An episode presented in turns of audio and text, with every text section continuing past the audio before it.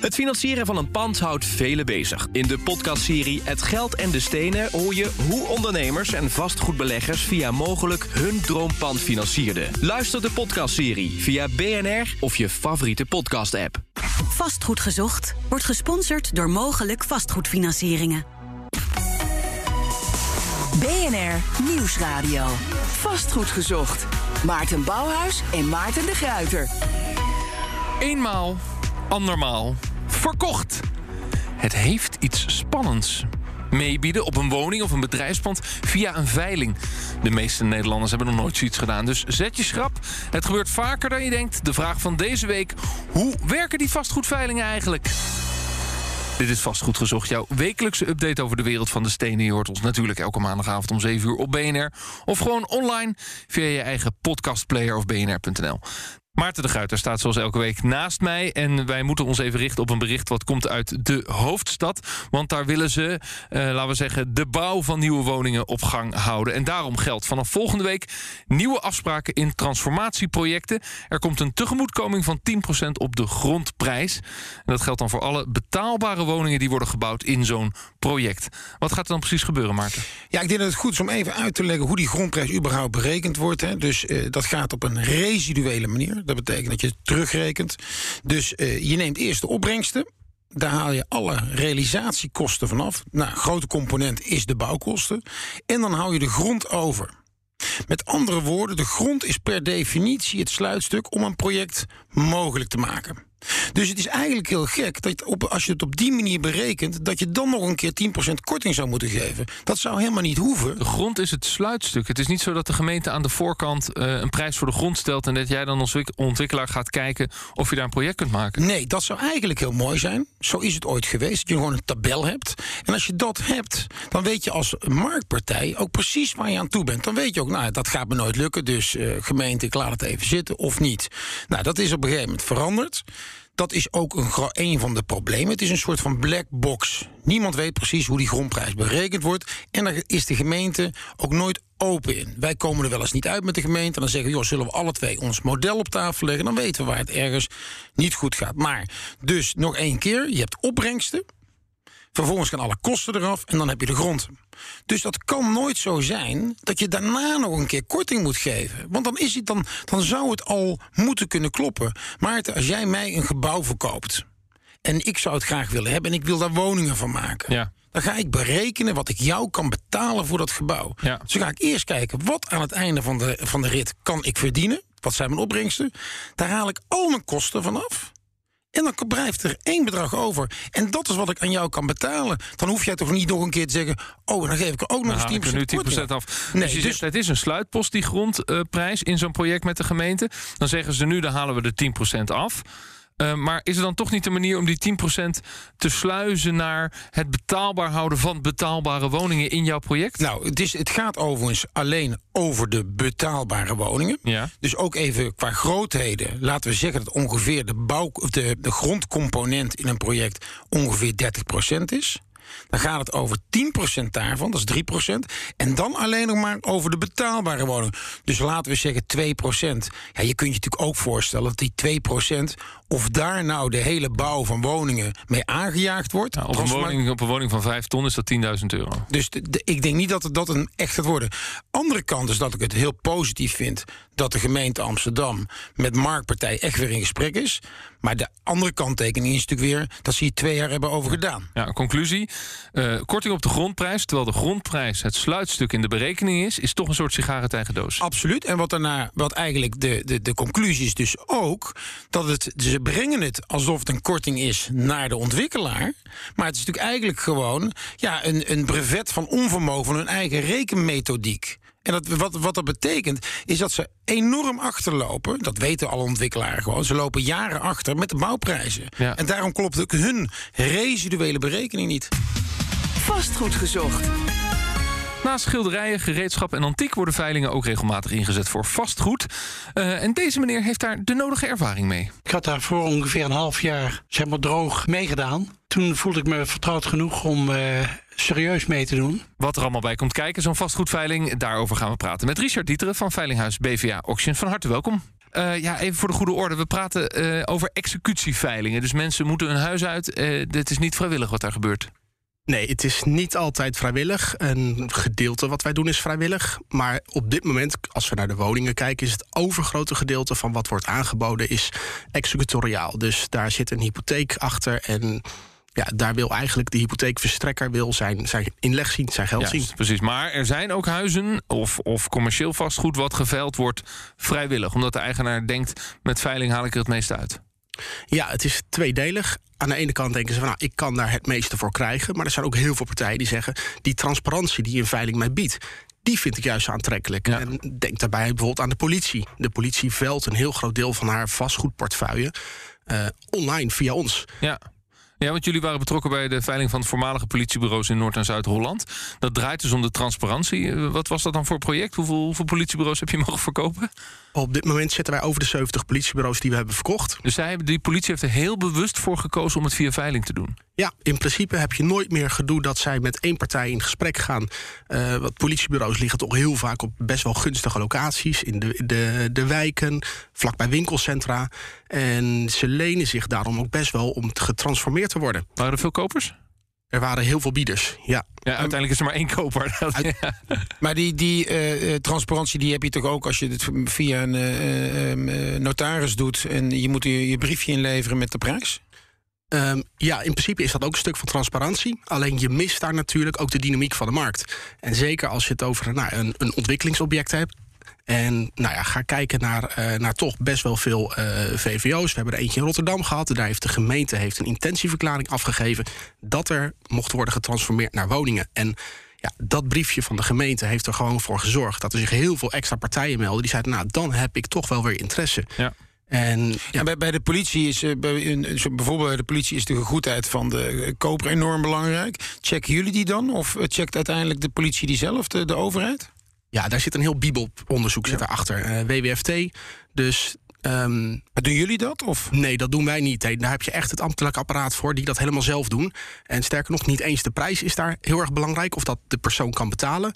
Uh, maar ik noem altijd het voorbeeld als een uh, uh, meneer Holleder zou meebieden op een politiebureau met een cellencomplex, maar ook een wapenkelder erin. Ja, dan zou de politie natuurlijk kunnen zeggen: dat is voor ons niet de geschikte Jawel, koper. maar jij organiseert de veiling. Er doen een hele hoop bieders mee. Uiteindelijk ja. komt er één koper uit en die mag het pas kopen nadat hij gecheckt is. Exact. Daar gaan echt wel eens 60 werkdagen overheen. Oh, ja, in Amsterdam is het fout gegaan, dat weet je. Dat verhaal ken je? Nee. Nou, een van de politiebureaus in Amsterdam is verkocht. Uiteindelijk bleek een paar jaar later dat een van de kopers, dat was een, uh, iemand die in de bouw zat en die al jaren een voortvluchtige crimineel uh, verborgen hield. En die man die had zelf ook niet echt een, een schoon blazoen. Dus dat is toch apart hoe dat dan dus ja. toch doorheen is gekomen. Dus de, de niet helemaal. Nee, er kunnen hele andere dingen aan bij, een hele aflevering. Um, um, om hoeveel woningen en bedrijfspannen gaat het eigenlijk per jaar die geveld worden in Nederland? Qua woningen heel erg afnemend. Um, de markt is enorm goed. En ga kijken naar uh, hoeveel woningen wij vorig jaar hebben, uh, woningveilingen hebben georganiseerd. We hebben er um, uh, ongeveer 400 mogen organiseren. Maar dat zijn lang niet 400 die doorgaan. Uiteindelijk zijn er een 125 bij ons doorgegaan. En de rest is dus of voor de veiling uitverkocht, zoals Maarten net al zei. Of er is een regeling getroffen met de debiteur. Dus de debiteur heeft iets ja. betaald, waardoor de veiling niet meer opportun was. Dus je hebt, je hebt behoorlijk weinig woningen kunnen, kunnen veilen. En als we in een laagconjunctuur zitten of in een, in een crisissituatie, 2012, 2013, zijn het er veel meer? Ja, in 2015 gingen er nog echt letterlijk onder de hamer 2500. En er waren meer dan 4000 dossiers. Toen zaten we ongeveer op 4300 dossiers. Dus dat is stukken meer dan op dit ja, moment. Het is dus heel conjunctuurgevoelig. Ja, qua jouw businessmodel is dus ook, jouw businessmodel is ook conjunctuurgevoelig. Uh, grotendeels ja, jij wordt rijker in de crisis. Uh, ja, wij verdienen inderdaad meer op dat soort woningen in de crisis. Dus je moet inderdaad in hoogconjunctuur moet je heel inventief zijn. En vandaar dat we ons helemaal toelichten ook op het, uh, op het vrijwillig veilingen. Ja. Ja, precies. En de verkoopprijs? Uh, want klopt nou het verhaal dat het echt navenant goedkoper is om een woning op de veiling te kopen dan niet op de veiling, dan gewoon in de normale markt? Nee, absoluut niet meer. Dat was inderdaad, nou ja, als we vijf, zes jaar geleden gaan kijken, was dat echt nog wel het geval. Uh, daar werd gemiddeld door ook de makelaardij gezegd: nou, op de, op, de, veiling koop je een woning voor circa 25, 30 procent minder dan de marktwaarde. Gaan we in 2018, 19 kijken, toen hebben wij een onderzoek gedaan. Maar niet alleen wij, want anders krijg je de slager keurt zijn eigen vlees. Maar samen met Calcasa uh, en ook een aantal grote banken hebben daar hun cijfers aan, uh, aan geleverd. Eh, op dat moment zaten wij nog op een waarde in de veiling van tussen de 95 en 97 procent van die marktwaarde. Ja, en als we vandaag de dag gaan kijken, dan zitten we in principe, als we hem gaan doorrekenen, altijd over de marktwaarde heen. Oké, dus je kunt net zo goed veilen als, als, op, de, als op de markt verkopen. In deze conjunctuur wel. In deze conjunctuur wel. Oké, ehm, dan ben ik toch even benieuwd hoe het in zijn werk gaat. Want eh, ehm, ik kan natuurlijk niet twee keer bezichtigen. Dat kan overigens tegenwoordig in de gewone markt ook niet meer bij woningen. Eh, ehm, en soms, meestal kun je er niet eens naartoe. Of kun je, er niet, kun je er niet in. Dus het is wel een stuk onzekerder wat je koopt. Ja, klopt. Absoluut. En hoe gaat het dan in de praktijk? Heb je wel mooie Funda-fotootjes op de website staan? Nee, op onze website hebben we dus echt alleen maar de buitenfoto's, de hoogtefoto's en wat omgevingsfoto's. En dat is ook echt gewoon om risico in te dekken. Uh, talloze voorbeelden. Uh, we hebben wel een hele mooie keuken en een fantastische schouw op de foto staan en het object wordt opgeleverd aan de veilingkoper. De keuken is kort en klein geslagen, de schouw is eruit gesloopt en er zit cement in het toilet. Oh, dat is gebeurd? Dat is gebeurd, ja. En vandaar dat nu de, ja, vooral de bank en notaris. Maar waarom is, dit nou, waarom is dit dan zo gedoe? We kunnen toch gewoon uh, um, objectief vaststellen in wat voor staat het pand is, daar foto's van maken en dat dan veilen? Ja, alleen dat is inderdaad um, de dag maar we weten niet of het de volgende dag er ook zo uitziet. En Hoezo je hebt natuurlijk niet? in een executie je hebt vaak te maken met mensen die um, echt in de problemen zitten. Um, tegenwoordig helemaal. Banken zijn echt wel, echt wel meedenkend, meelevend. Uh, die gaan niet van de een op de andere dag tot een executieveiling over. Dus daarom heb ja, je. Dus het is echt een. Uh, er is heel veel shit in de casus. En, en mensen slopen hun keuken eruit en proberen die marktplaats ja. te verkopen om nog ergens duizend euro over te zijn houden. boos, hè? Absoluut, rancune. Ja. Ja. ja. heb je wel eens meegedaan met de veiling? Nou, ik heb wel eens mee. Ik moet wel eerlijk zeggen, het zijn niet helemaal de dingen die waar wij ons mee bezighouden. Type uh, vastgoed. Maar we hebben wel eens meegedaan. En, uh, en toen was hij inderdaad ook voor de veiling uit, vrij recent nog overigens, uh, voor de veiling uit al verkocht. Dus dan, ja, dan denk je toch, ja. Dat lijkt me irritant. ja, nou, het was wel zoiets van, nou, weet je, ik bied wat en heb ik hem dan, dan is het mooi. En anders is het ook niet erg. Dat, dat, dat zullen veel mensen doen, denk ik, bij, zeker bij executieveilingen. Maar ehm, dan denk je natuurlijk toch, ja, wat is dan toch die transparantie? Hè? Want hij is dan toch voor de veiling uit, is er al een deal gemaakt met iemand anders, ja, dan is toch die transparantie volgens mij toch weer weg, of niet? Ja, je werkt met die onderhandse bieding ook toe naar een minimomentum. En vaak gaat uh, nou, de hypotheekverstrekker gaat kijken... is dat iets waarmee, waarmee wij kunnen leven? Die hebben een taxatierapport, marktwaarde en ook uh, opinieveilingwaarde. Dus wat zou die in de veiling moeten doen?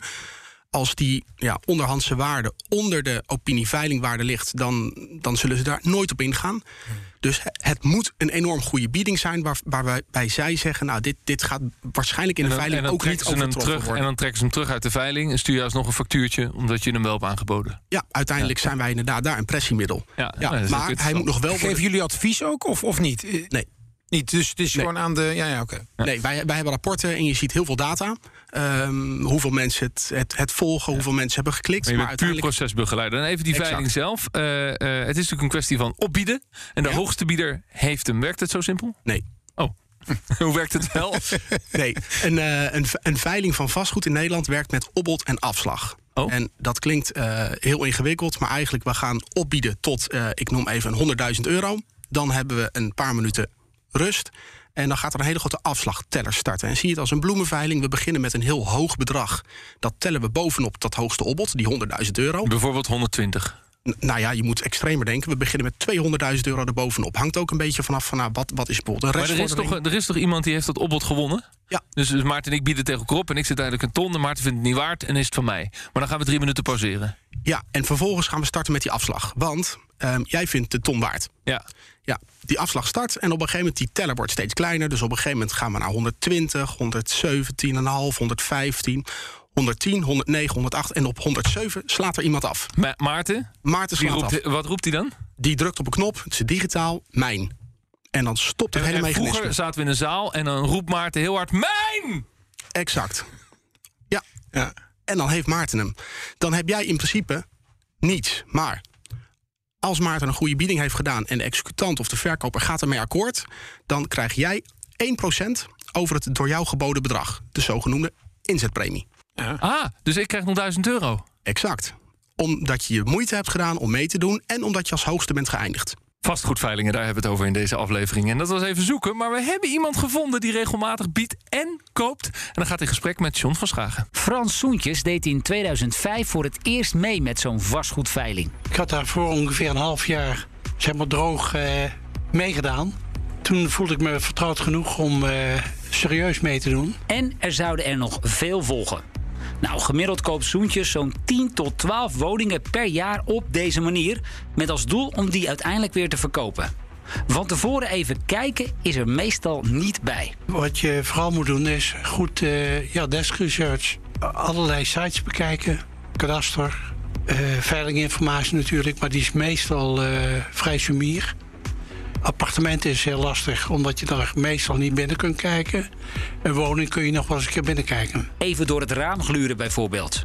Nou, wat hij verder nog adviseert, spreek voor jezelf een bedrag af tot waar je maximaal wilt gaan. Normaal wordt altijd gezegd bij vastgoed is locatie, locatie, locatie. Bij de veilingen zit discipline, discipline, discipline. Want als je van tevoren goed je huiswerk hebt gedaan, dan moet je niet laten meeslepen door wat er in de veiling gebeurt. Want je weet nooit waarom een ander meer of minder geeft. En dat kan een totaal ander beeld geven van wat je kunt bieden. Let op, zo benadrukt Zoentjes. Het is dus geen gokken. Ik sta er zelf onbekend dat ik uh, goed mijn huiswerk maak. Uh, gokken, dat moet je op, in de casino doen. En daar hou ik helemaal niet van. Dus ik zoek het goed uit en ik hou me aan wat ik uh, van tevoren heb gezocht. En ik ga niet omdat iemand toevallig een reden heeft om meer te bieden, meer bieden. En ja, soms valt het wel eens tegen als je het huis eenmaal van binnen ziet. Maar dat hoort erbij. Als ik een pand niet gezien heb, dan doe ik meestal een berekening maken. Wat kost het als het helemaal moet worden opgeknapt? En als ik het dan niet krijg, dan niet. Je hoorde van Zoentjes, eh, een ervaringsdeskundige wat betreft vastgoedveilingen. Ik praat verder met eh, Richard Dieteren. Hij is van Veilinghuis BVA Auctions. Dus even inzoomen op die koper en zijn rechten en zijn plichten. We hadden het net over bieden, voordat we naar Franciscus uh, luisterden. Uiteindelijk heeft Maarten het gekocht. Uh, zit hij er dan voor die 107, hè, want dat was ons voorbeeld, 107.000 euro voor pandje, Maarten, 120 vierkante meter. Ja, is prima. Oh, ja. zit hij er dan aan vast? Die zitten aan vast. Ja, daar is uh, terugtrekken of um, uiteindelijk je, jezelf beroepen op een clausule uh, niet meer mogelijk. Oh, maar bij een normale woning heb ik drie dagen bedenktijd. Hier niet. Nul. Nee. Dus, dus, uh, en wat nou als uh, Maarten die hypotheek voor die 107.000 euro op geen enkele manier rondkrijgt? Ja, dan hebben we toch echt een probleem. Of heeft Maarten echt wel een probleem? Want dat is natuurlijk ook, nou ja, je koopt op een veiling. En in dit geval is het niet vrijblijvend. Ja, hij krijgt een boete. Waar moet Maarten rekening mee houden? Ik durf de bedragen niet echt te noemen, maar ik weet dat er echt banken zijn die, uh, nou, die hier echt wel een probleem van maken. En die gaan kijken wat de bank is, nog meer. De bank is natuurlijk de verkoper. De bank is de verkoper. De, hypotheek. De, hypotheekverstrekker. Ja, dat is meestal een bank in Nederland. Ja. Jullie hebben moeten kijken, wie, je moet je inschrijven, neem ik aan bij jullie. Hoe, hoe schrijf je je in? Eh, wat, wat moet je allemaal achterlaten, zodat jullie weten, ja, deze meneer hè, eh, kan het ook betalen of kan het kopen? Ja, een hele goede vraag. Want je, het is niet dat je met je Gmail-account een uh, accountje bij ons aanmaakt en kan meebieden. Maar voordat je dat doet, ga je eerst naar een notaris in levende lijven met je identiteitsbewijs en een formuliertje van onze website. En dan zeg je: Kijk eens, ik ben uh, Maarten en uh, het account op uh, BVA Auctions van mij is Maarten.